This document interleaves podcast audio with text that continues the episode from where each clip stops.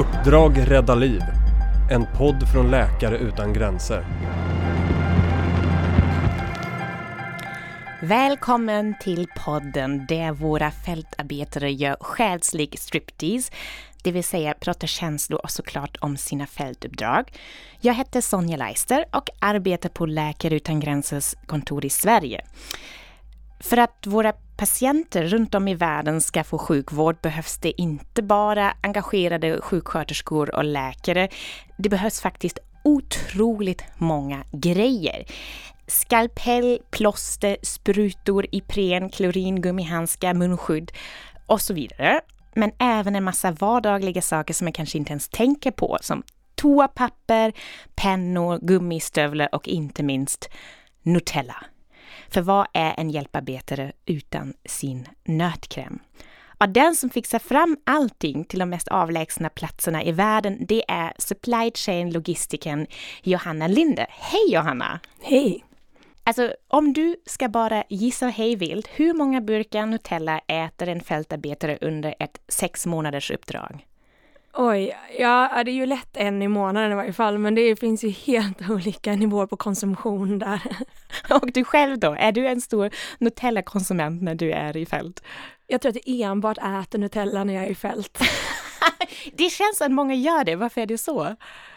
Ja men jag tror att det, det är inte så mycket annat godis där som man kanske känner till hemifrån och där är det ändå ja det är ju inte godis kanske, det är smörgåspålägg. jo det är det. så man kan komma undan med att säga att, att det är ett, ett pålägg liksom och så får man i sig lite socker och gott. För att presentera dig lite mer Johanna, du är 34 år, um, du kommer från Göteborg, eller hur? Ja. Ja, jo, det hörs ju lite också. um, och är utbildad logistikingenjör. Mm. Och som fältarbetare har du jobbat eh, med supply, det vill säga du har varit ansvarig för att köpa in varor och att de transporteras till våra sjukhus och kliniker. Kan mm. man säga det så? Ja, det tycker jag är en bra beskrivning. Men jag tycker, ta oss till händelsernas centrum, till Liberia, året är 2014. Det pågår ett stort ebolautbrott med tusentals insjuknade som behöver vård och Läkare gränser håller på att bygga upp ett stort ebolacenter i Monrovia från scratch. Och du står på flygplatsen där i Monrovia, tar emot flygplan med ton av utrustning. Berätta, vilka tankar hade du i huvudet då? Och ja, det var ju ett uppdrag som skilde sig um, ganska mycket från mina tidigare uppdrag. Uh, väldigt, väldigt stora volymer. Man kan säga att en ebolainsats kräver ganska mycket mer logistikinsats än många andra. Inte så mycket produkter, men väldigt stora volymer då, så att det var några produkter, um, du, du nämnde redan gummistövlar, men masker och de här skyddsutrustningarna vi var tvungna att ha det. Så det var inte sådär att oj, nu har vi inga masker, kan ni köra utan masker några dagar, utan då hade vi varit tvungna att stänga ner. Så det var ju en väldig press, eh, en större press än vad jag hade känt innan på att varje produkt var livsviktig att få in. Eh, samtidigt som det var en extrem situation det var svårt att hitta alla de här produkterna i världen, alltså det var svårt att, att eh, sourca produkterna. Så alltså, därför... Sourca, förlåt, du måste förklara, det betyder bara handla, an, Anskaffa kanske, ja precis, anskaffa. Eh, därför hade vi inte tid med långa ledtider, så vi kunde inte köra via, via båt som vi oftast gör, utan allting kom med flyg. Ja, det var väldigt stora utmaningar där. Vi hade bland annat i början, fanns det en truck på flygplatsen en tryck är den som lastar av material eller vad gör Inte den? lastar av från flygplanet för det sker genom en, en speciell lift. Eh, men sen då så då kommer de här flygen med kanske 200 pall eh, och det är regnsäsong och man måste få undan de här produkterna så att de inte skadas i regnet och då var det, gjorde jag en sån eh, analys vad som fanns på flygplatsen och då var det två palllyftare som är sådana här manuella då och en eltruck. Eh, ja. Och, Men vad gjorde ni då? Vi jobbade eh, länge och fick jobba mycket med eh, människokedja, alltså att man ställer flera personer i rad och bär.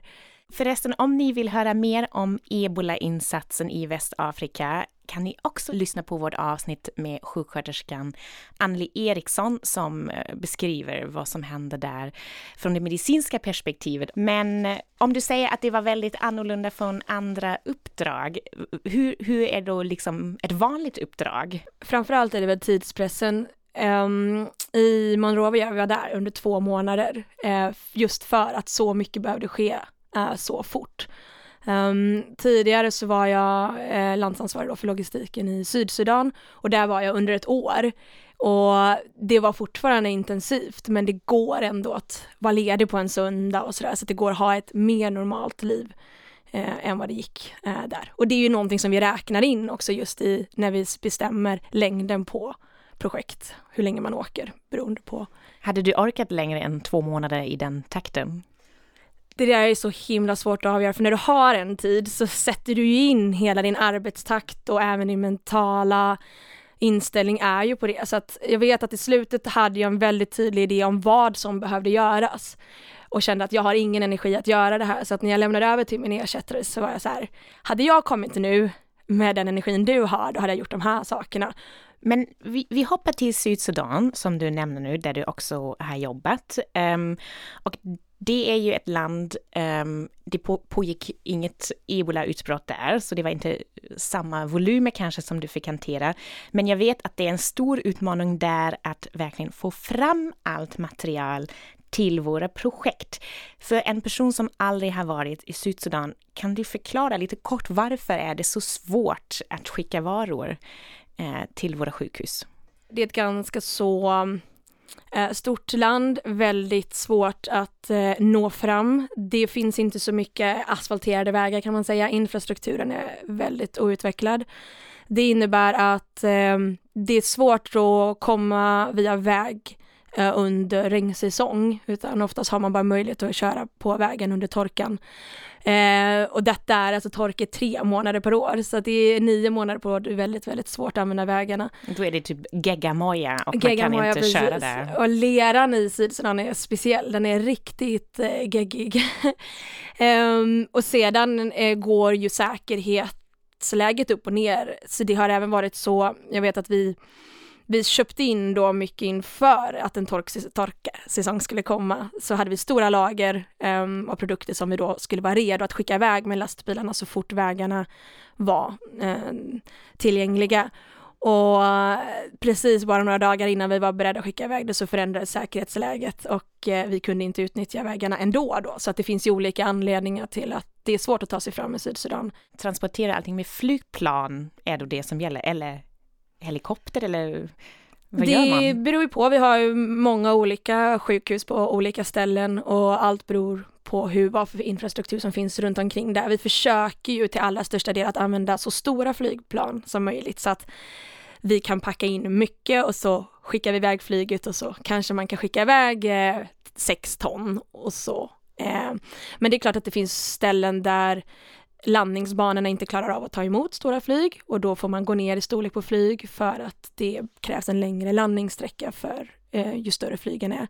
Och på de absolut eh, svårast till, tillgängliga ställena så får vi ha helikopter och, um, För där finns det inte ens någon landningsbana. Landnings som kanske inte heller är asfalterad och bara geggamoja antar jag. Ja, eh, så där är det också lättare att flyga under torksäsongen men det är klart, igen, det, det, finns, och det finns insatser på en eh, större nivå och där FN eh, satsar mycket på att förbättra landningsbanorna och förlänga dem och utöka tillgängligheten till de olika delarna av landet det är ju, som du skriver, inte bara Sydsudan utan många länder där det är väldigt svårt egentligen att transportera både människor och saker eh, rent praktiskt. Vad är det mest exotiska transportmedlet eh, som du behövde använda för att få folk eller saker någonstans? Vi anordnar en hel del eh, frakt med barge som det heter och en prom blir det väl uppför Nilen i Sydsudan som man kunde eh, lasta mycket. Men idag så är jag regionsansvarig då för några andra länder och i Kongo skulle jag väl säga att där gör vi väl det mest extrema. Det är allt från um, kanoter och åsnor och det absolut svåraste är såklart när det bara går att ta sig fram med fot. Ehm, så det... Då får man bära saker. Ja, speciellt eftersom att vi har mycket vaccination och ja, då krävs det ju även eh, kylkedja som vi ska hålla hela vägen fram så att allt håller sig mellan 2 och 8 grader. De här vaccinerna är ju känsliga för temperatursvängningar och därför måste ni kyla ner dem. Är det, är det det svåraste att få fram någonstans? Är det vaccin? Ja, det, det är alla de produkterna som, och det är inte bara vaccin, det finns ju många produkter som har eh, vi har olika temperaturskalor, eh, så de största majoriteten av saker ska vi ha mellan ungefär 15 och 25 grader. Um, och det är ju klurigt redan, men det svåraste är ju de produkterna som är då mellan 2 och 8 grader, så kylskåps... Mm, mm. Ehm, kylvaror, kylvaror. Och sedan har vi nu ett par produkter som är minus varor också och de är ju riktigt eh, kluriga. Vad är det för saker?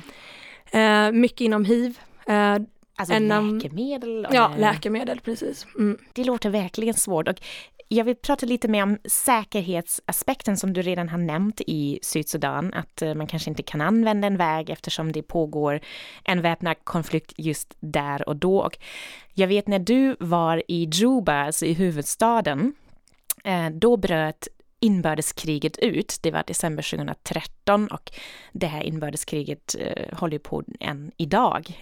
Um, och då var det ett 30-tal väpnade män som tog sig in på ett av våra lager där du jobbade. Ja. Kan, kan du berätta vad som hände där?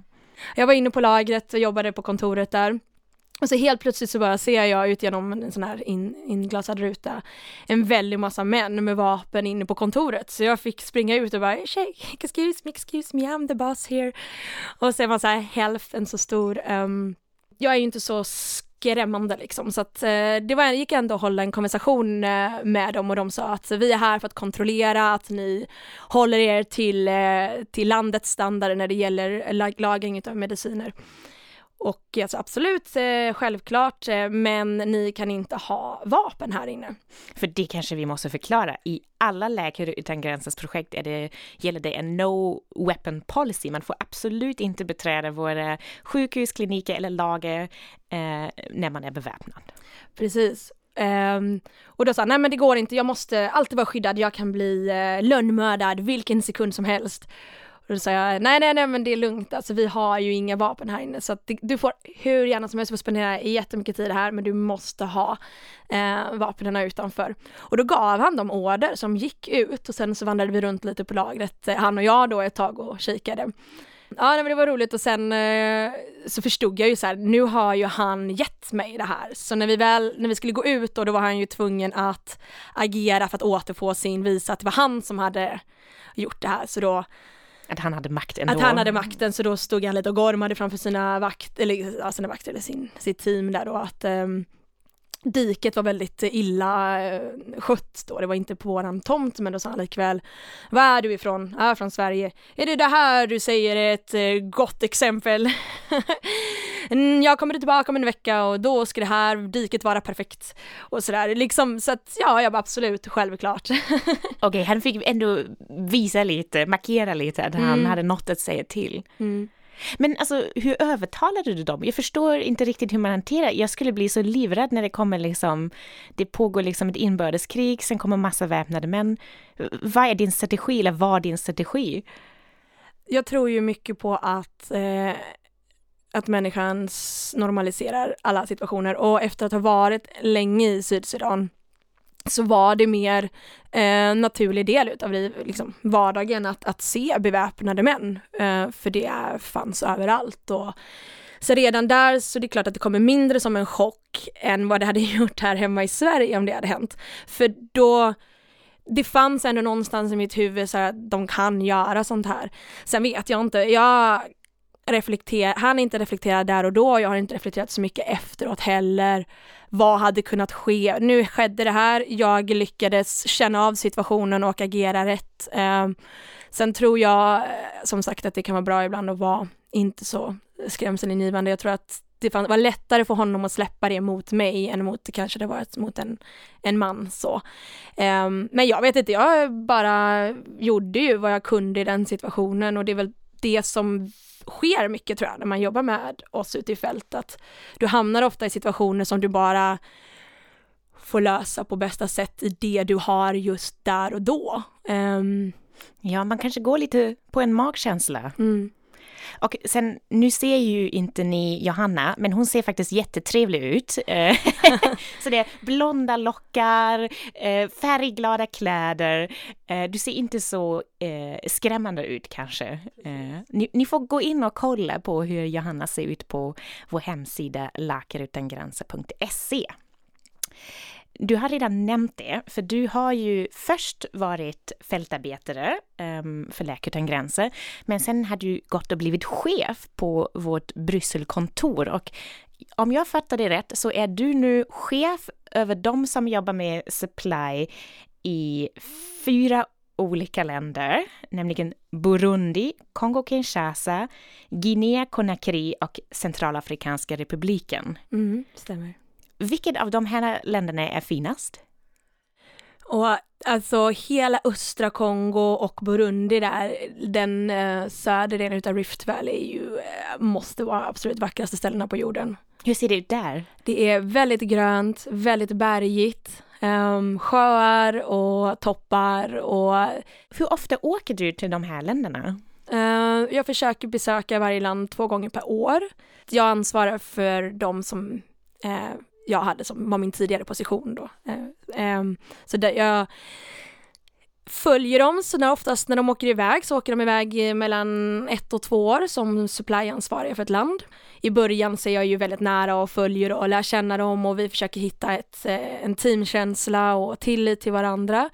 Då jag är mer rösten och och eh, personen i Bryssel som är eh, den som följer landet på avstånd och är kanske den som fokuserar lite mer på att ha eh, en strategisk eh, blick på det hela medan de ansvarar då för arbetet i landet och självklart är de som är experter på vad som sker just nu. Jag föreställer mig som att det här är ganska många män som du är chef över, men det kanske är bara mina fördomar? Mm, den internationella styrkan skulle jag säga ungefär 50-50. Men sen vår nationella styrka är eh, till stor del män, även om vi börjar få fler och fler kvinnor som alltså jobbar. Alltså de lokalt anställda mm -hmm. som lever i landet hela tiden och jobbar länge då för Läkare utan gränser, som är en jätteviktig del i alla våra insatser. Det är också den absolut största delen av vår personal, ska vi kanske säga här. Mm. Um, men du är alltså chef över de utsända, som är då expats, kanske vi kan kalla dem. Det är mycket fladdriga skjortor och fransmän som svär och eh, allt möjligt som man eh, kan möta där. Hur lyckas du leda en sådär bråkig skara? Det är väl eh, det absolut mest intressanta med jobbet, både det att, att leda på distans ehm, och det andra är att leda en grupp med människor med väldigt olika bakgrunder, med väldigt olika intressen. Hur jag gör är att lyssna mycket, att ta in deras, jag är inte där.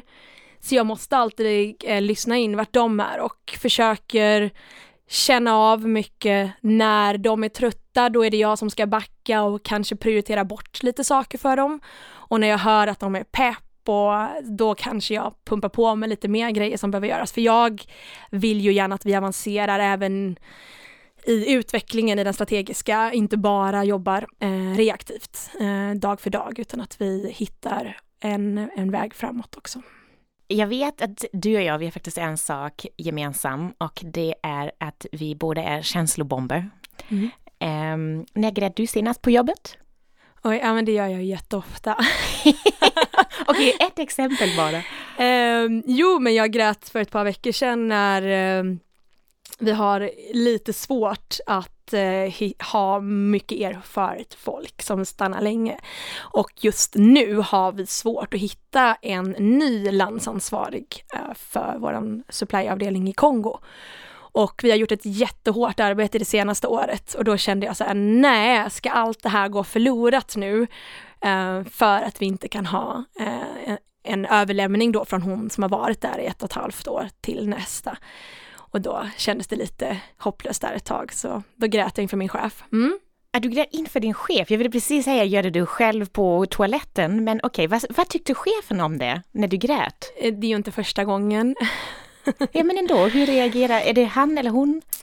Eh, ja, det är en hon, men jag har även gjort det för manliga chefer. Det är kanske så att det är en eh, någonting jag började med i fält och det är väl också för att våra liv är väldigt sammanflätade där. Det är svårt att separera arbetslivet med det privata. Och vi, vi pressas också mycket mer i fält så, så att det är svårt att vara alltid under kontroll. Men eh, så det var där jag kanske började om man ska säga så. Men eh, idag tycker jag att det, det, det är viktigt att, eh, jag tycker det är viktigt att visa känslor, det är viktigt att få vara sårbar, det är viktigt att få lov att göra fel. Det är en stor del av vad jag tycker hur man, hur man ska fungera. Det är lättare att leda när jag vet även mina egna, mina egna team. Så. Varför, Men, varför är ehm, det viktigt? Kanske framförallt för att det är på distans. Så att om personerna jag leder skulle gå som du säger in på toaletten och gråta och sen samla sig och sen komma ut och sen ringa mig, då skulle jag ju inte veta att de har det tufft och då kan jag ju inte hjälpa till och supporta heller. Så det, och då tycker jag väl också att det är bra att visa att det inte är så himla farligt. Um, att inte alltid vara stark utan också kunna vara svag och ibland så känns allting jobbigt och jag får väldigt mycket positivt utav det. Nu låter det som att jag går runt och gråter hela tiden, det gör jag såklart inte, utan det är ju när det är extrema situationer, men att våga vara lite mer känslomänniska gör ju också att du ofta, jag får väldigt mycket support. Um, och det gör att jag kan komma starkare tillbaka snabbare skulle jag säga. Och eh, jag har inte haft sådär, det män kanske ibland tycker det är jobbigt. Så det är ju lättare nu med en kvinnlig chef, hon tycker inte det är lika jobbigt. Uh, jag... jag måste säga jag är imponerad för att jag tycker ändå att det finns ju många anledningar att gråta när man jobbar för en organisation som Läkare gränser.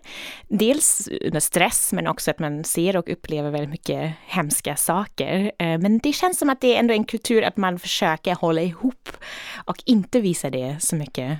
Men mm. du, du går en annan väg. Mm. Ja, det har jag gjort. Det är lite svårt att stoppa den vägen nu.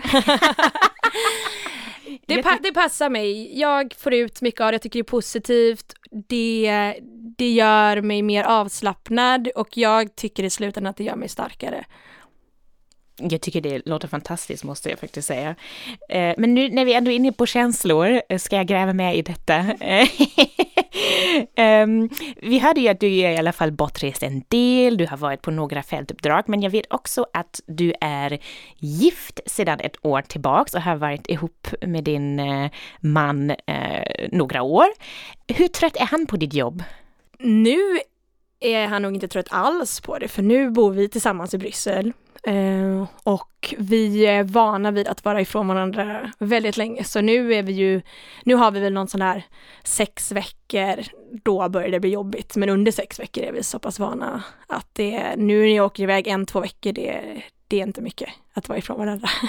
Nej, okej, okay. men det låter ändå som att det tog lite tid att komma dit. Uh, alltså, jag vet att många tycker det är svårt att kombinera eh, en lång relation med långt engagemang mm. i då till exempel Läkare utan gränser. Um, har du något tips eller tricks? Hur, ska man göra? Det är svårt. Vi hade, jag ska bara säga att vi hade tur. Vi träffades um, ett år innan jag åkte iväg, innan jag började jobba med Läkare utan gränser. Um, och då var vi unga och vi träffades och sen så skulle han iväg och resa och jag skulle iväg till Sierra Leone ett halvår så då sa vi att nej, men då gör vi slut för, för nu ska vi liksom inte vara där vi är och båda två vi tycker väldigt mycket om att vara, verkligen vara där vi är och inte sitta och skypa på kvällarna då med, med en respektive. Men där har jag märkt att alla har gjort väldigt olika så att så gjorde vi. Så under tre år så sa vi, vi ses när vi ses och så får vi se hur det känns då. Och det är klart att det är lätt att säga så här i efterhand, det var inte lätt under tiden och det var tungt och det var upp och ner. Och sen eh, ungefär fyra år tillbaka så har vi, eh, nu bor vi ihop och så gifte vi oss. Och det blir ju en lycklig utgång där, alltså, men jag kan inte rekommendera att sådär är det för alla, utan det beror ju såklart på vad man har för slags relation och vad man är för personligheter. Och jag märker i fält att det finns alla slags alternativ på hur man försöker lösa det.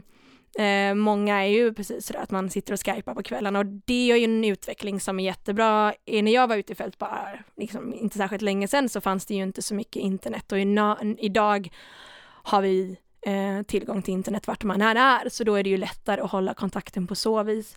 Um, In, inte riktigt överallt, ska jag lägga till, ah, men nästan överallt. Precis, och det är kanske är mer kvaliteten också som är... Ja, hur, hur snabbt går det? Hur snabbt går det? Så här, du kanske inte kan videoskypa det. jag kan ju personligen tycka att det är någonting fint i att utsätta sin relation för extrema prövningar. Det är ju ett sätt att oh, verkligen... en liten stresstest! Ja, precis. Så nu vet vi ju att har vi klarat det här så klarar vi ju allt annat utan problem. Nu har vi ju happy ending här, men tänkte du um, under de här åren någon gång, nej men det här går inte. Om jag vill liksom arbeta i fält eller för Läkare utan gränser, jag kan inte få ihop det med en kärleksrelation. Nej, och anledningen till att jag redan, ja, jag fick möjligheten med mitt tredje uppdrag då att bli eh, supplyansvarig för ett land. Och en av anledningarna till att jag tog den utmaningen relativt fort var att jag visste att jobbar man som landsansvarig inom en avdelning så finns det möjlighet att eh, åka senare då på familjeuppdrag eller att ha med sig sin partner. Så att då har vi, inte i alla länder såklart, men i de lite lugnare länderna så finns de möjligheterna och då kände jag att det... Att man tar med då sin partner till ett visst ställe. Mm. Precis, och det är ingenting man kan liksom få första, andra uppdraget sådär, men ju längre man stannar, ju mer eh, möjligheter försöker man ju få till så att det går att leva eh, ett liv och jobba med Läkare Utan Gränser och ha ett privatliv. För det är klart att vi inte vill att alla bara ska vara singlar, det blir inget bra. Din, eh, din man, här, jobbar han själv inom den här branschen, humanitära sektorn eller något sånt? Nej, det gör han inte och idag så läser han på distans eh, till att bli lärare i Bryssel. Och sedan får vi se vad vi gör, men det gör ju en möjlighet i och med att, eh, att vara lärare är någonting som man kan göra över hela världen. Så att det är absolut någonting vi diskuterar, att i framtiden eh, åka ut i fält igen och att han då hänger med och sen försöker hitta någonting att göra eh, i de länderna då och jag jobbar. Mm. Har du ett drömuppdrag? Det här skulle du gärna vilja göra, eller drömjobb? Jag tycker det är väldigt kul eh, just inom supply, inom hela logistikkedjan, att just ha ett helhetsgrepp, att vara ansvarig för en hel kedja och inte jobba med en, en del. Och det är ju någonting som man verkligen får göra som landsansvarig eh, för, för logistiken då. Så att eh, jag skulle gärna åka tillbaka som eh, supply coordinator som det heter då.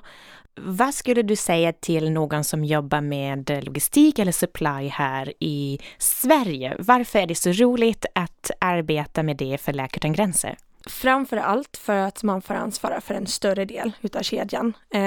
Och eh, vi är rätt nya med supply chain inom, inom, inom Läkare Utan Gränser. Så jag brukar säga att det är inte så att, det är klart att vi alltid har material som har förflyttats, självklart. Men sen ungefär tio, tio år tillbaka så, så satsas det på just supply chain management, att verkligen titta på våra processer och förbättra våra processer. Och det som är så spännande nu är vi håller på att bygga upp det och för varje person som åker ut i fält som med något eh, inköp eller supply-relaterat är en del utav att bygga upp en bättre fungerande supply chain inom Läkare Utan Gränser och det är häftigt.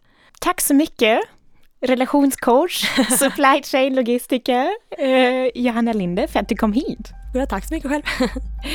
jag heter Sonja Leister och jag vill gärna veta vad du tyckte om vårt samtal. Har du frågor eller funderingar så kan du höra av dig till oss. Till exempel hittar du Läkare Utan Gränser Sverige på Facebook, Instagram och på Twitter.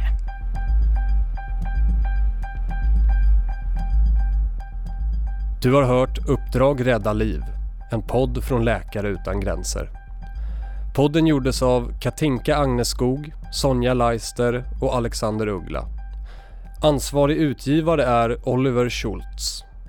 Tack till Roll the Dice och Peder Mannefelt för musik och lån av studio. Vill du höra fler avsnitt? Du hittar dem där poddar finns.